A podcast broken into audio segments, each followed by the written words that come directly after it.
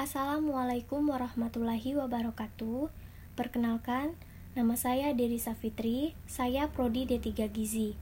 Baiklah, saya salah satu anggota dari kelompok 1 yang akan memaparkan apa sih hubungan makanan lokal dengan pola konsumsi masyarakat. Pertama kita harus tahu, apa itu pola konsumsi?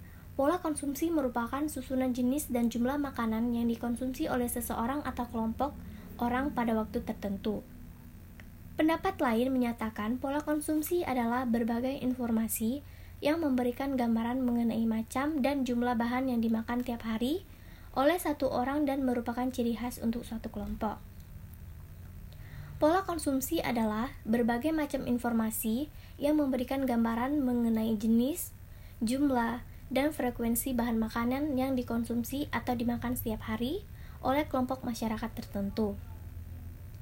Pola konsumsi pangan adalah susunan makanan yang mencakup jenis dan jumlah bahan makanan rata-rata perorangan per hari yang umum dikonsumsi atau dimakan penduduk dalam jangka waktu tertentu. Yang kedua itu apa aja sih faktor yang mempengaruhi pola konsumsi? Yang pertama itu ada faktor tingkat pengetahuan. Tingkat pengetahuan memegang peranan penting dalam pola konsumsi masyarakat. Jika tingkat pengetahuan gizi seseorang tinggi, maka semakin tinggi pula peranan penanganan anak-anak dalam keluarga tentang pemilihan bahan makanan. Yang kedua itu ada faktor ketersediaan pangan. Yang dimaksud dengan ketersediaan pangan adalah kondisi tersedianya pangan yang mencakup makanan dan minuman yang berasal dari tumbuh-tumbuhan atau tanaman, ternak, ikan, serta turunannya bagi penduduk di suatu wilayah tertentu. Bila produksi pertanian suatu wilayah rendah, dapat menyebabkan pendapatan seorang petani berkurang, kemiskinan, dan kurangnya pangan yang tersedia untuk dimakan. Ini dapat menyebabkan timbulnya kelaparan dan kurang gizi. Yang ketiga itu ada faktor sosial ekonomi. Keadaan ekonomi dalam keluarga memegang peranan paling penting dan sangat mempengaruhi pola konsumsi keluarga. Seperti contoh, keluarga dari golongan miskin sebagian besar menggunakan pendapatannya untuk memenuhi kebutuhan makanan sehingga dapat mempengaruhi status gizi dari masyarakat tersebut. Yang keempat itu ada faktor sosial budaya.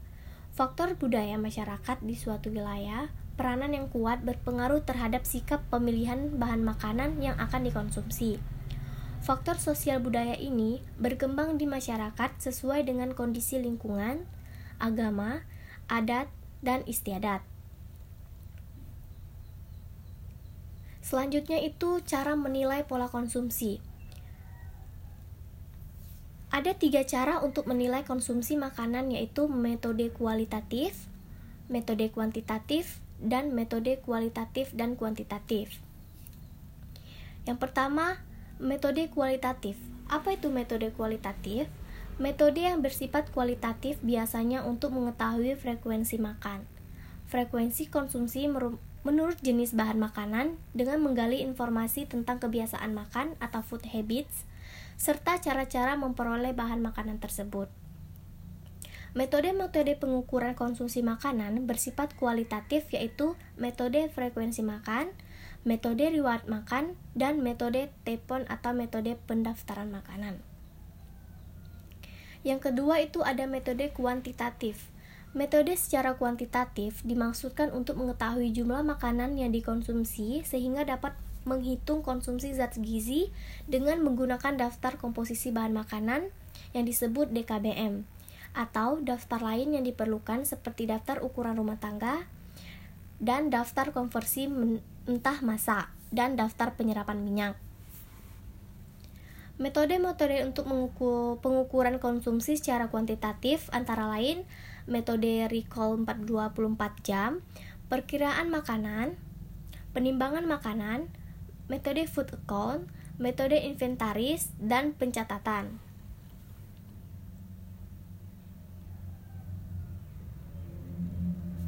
Adapun metode pengukuran konsumsi makanan.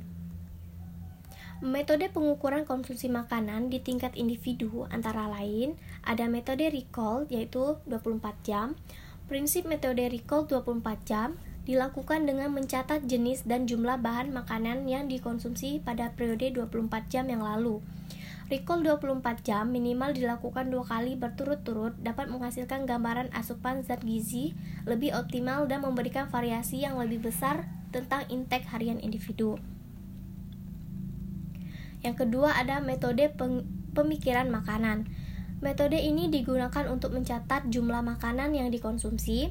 Pada metode ini, responden diminta mencatat semua makanan dan minuman yang dikonsumsi setiap hari sebelum makan dalam ukuran rumah tangga atau menimbang dalam ukuran berat dalam periode tertentu atau 2-4 hari berturut-turut termasuk cara persiapan dan pengolahan makanan tersebut.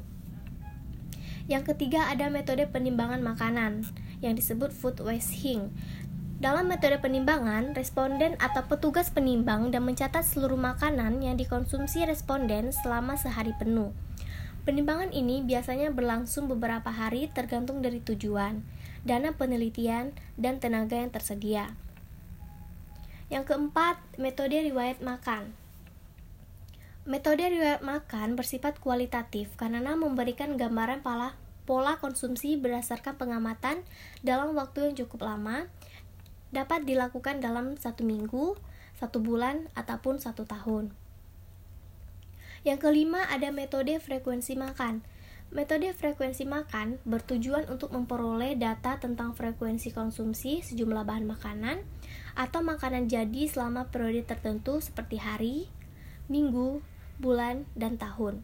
Dengan metode ini dapat memperoleh gambaran pola konsumsi bahan makanan secara kualitatif, tetapi karena periode pengamatannya lebih lama dan dapat membedakan individu berdasarkan ranking tingkat konsumsi zat gizi, maka cara ini paling sering digunakan dalam penelitian epidemiologi gizi.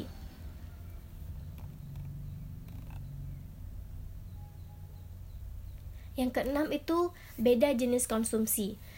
Skor beda jenis konsumsi dihitung banyak bahan makanan yang konsumsi selama 24 jam melalui tanya ulang. Hanya beberapa jumlah bahan lain dihitung sebagai bahan makanan tercampur dengan lemak. Minyak yang sedikit dipakai. Adapun cara menghitung beda jenis konsumsi, yaitu pertama, data konsumsi bahan pa Data konsumsi bahan pangan per orang atau keluarga disusun menurut daftar yang paling banyak ke sedikit. Yang kedua, untuk makanan campuran, susunlah jenis bahan pangan yang penting saja, tidak termasuk bumbu-bumbu. Yang ketiga, hitung banyaknya pemakaian menurut jenis bahan.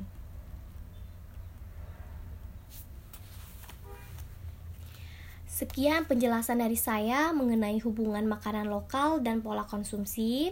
Saya Dery Safitri mengucapkan salam. Jika ada kata kata-kata yang kurang berkenan, saya dalam penjelasan saya saya minta maaf.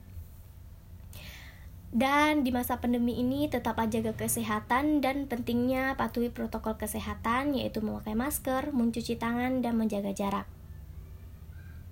Sekian penjelasan dari saya. Saya ucapkan terima kasih. Saya akhiri. Wassalamualaikum warahmatullahi wabarakatuh.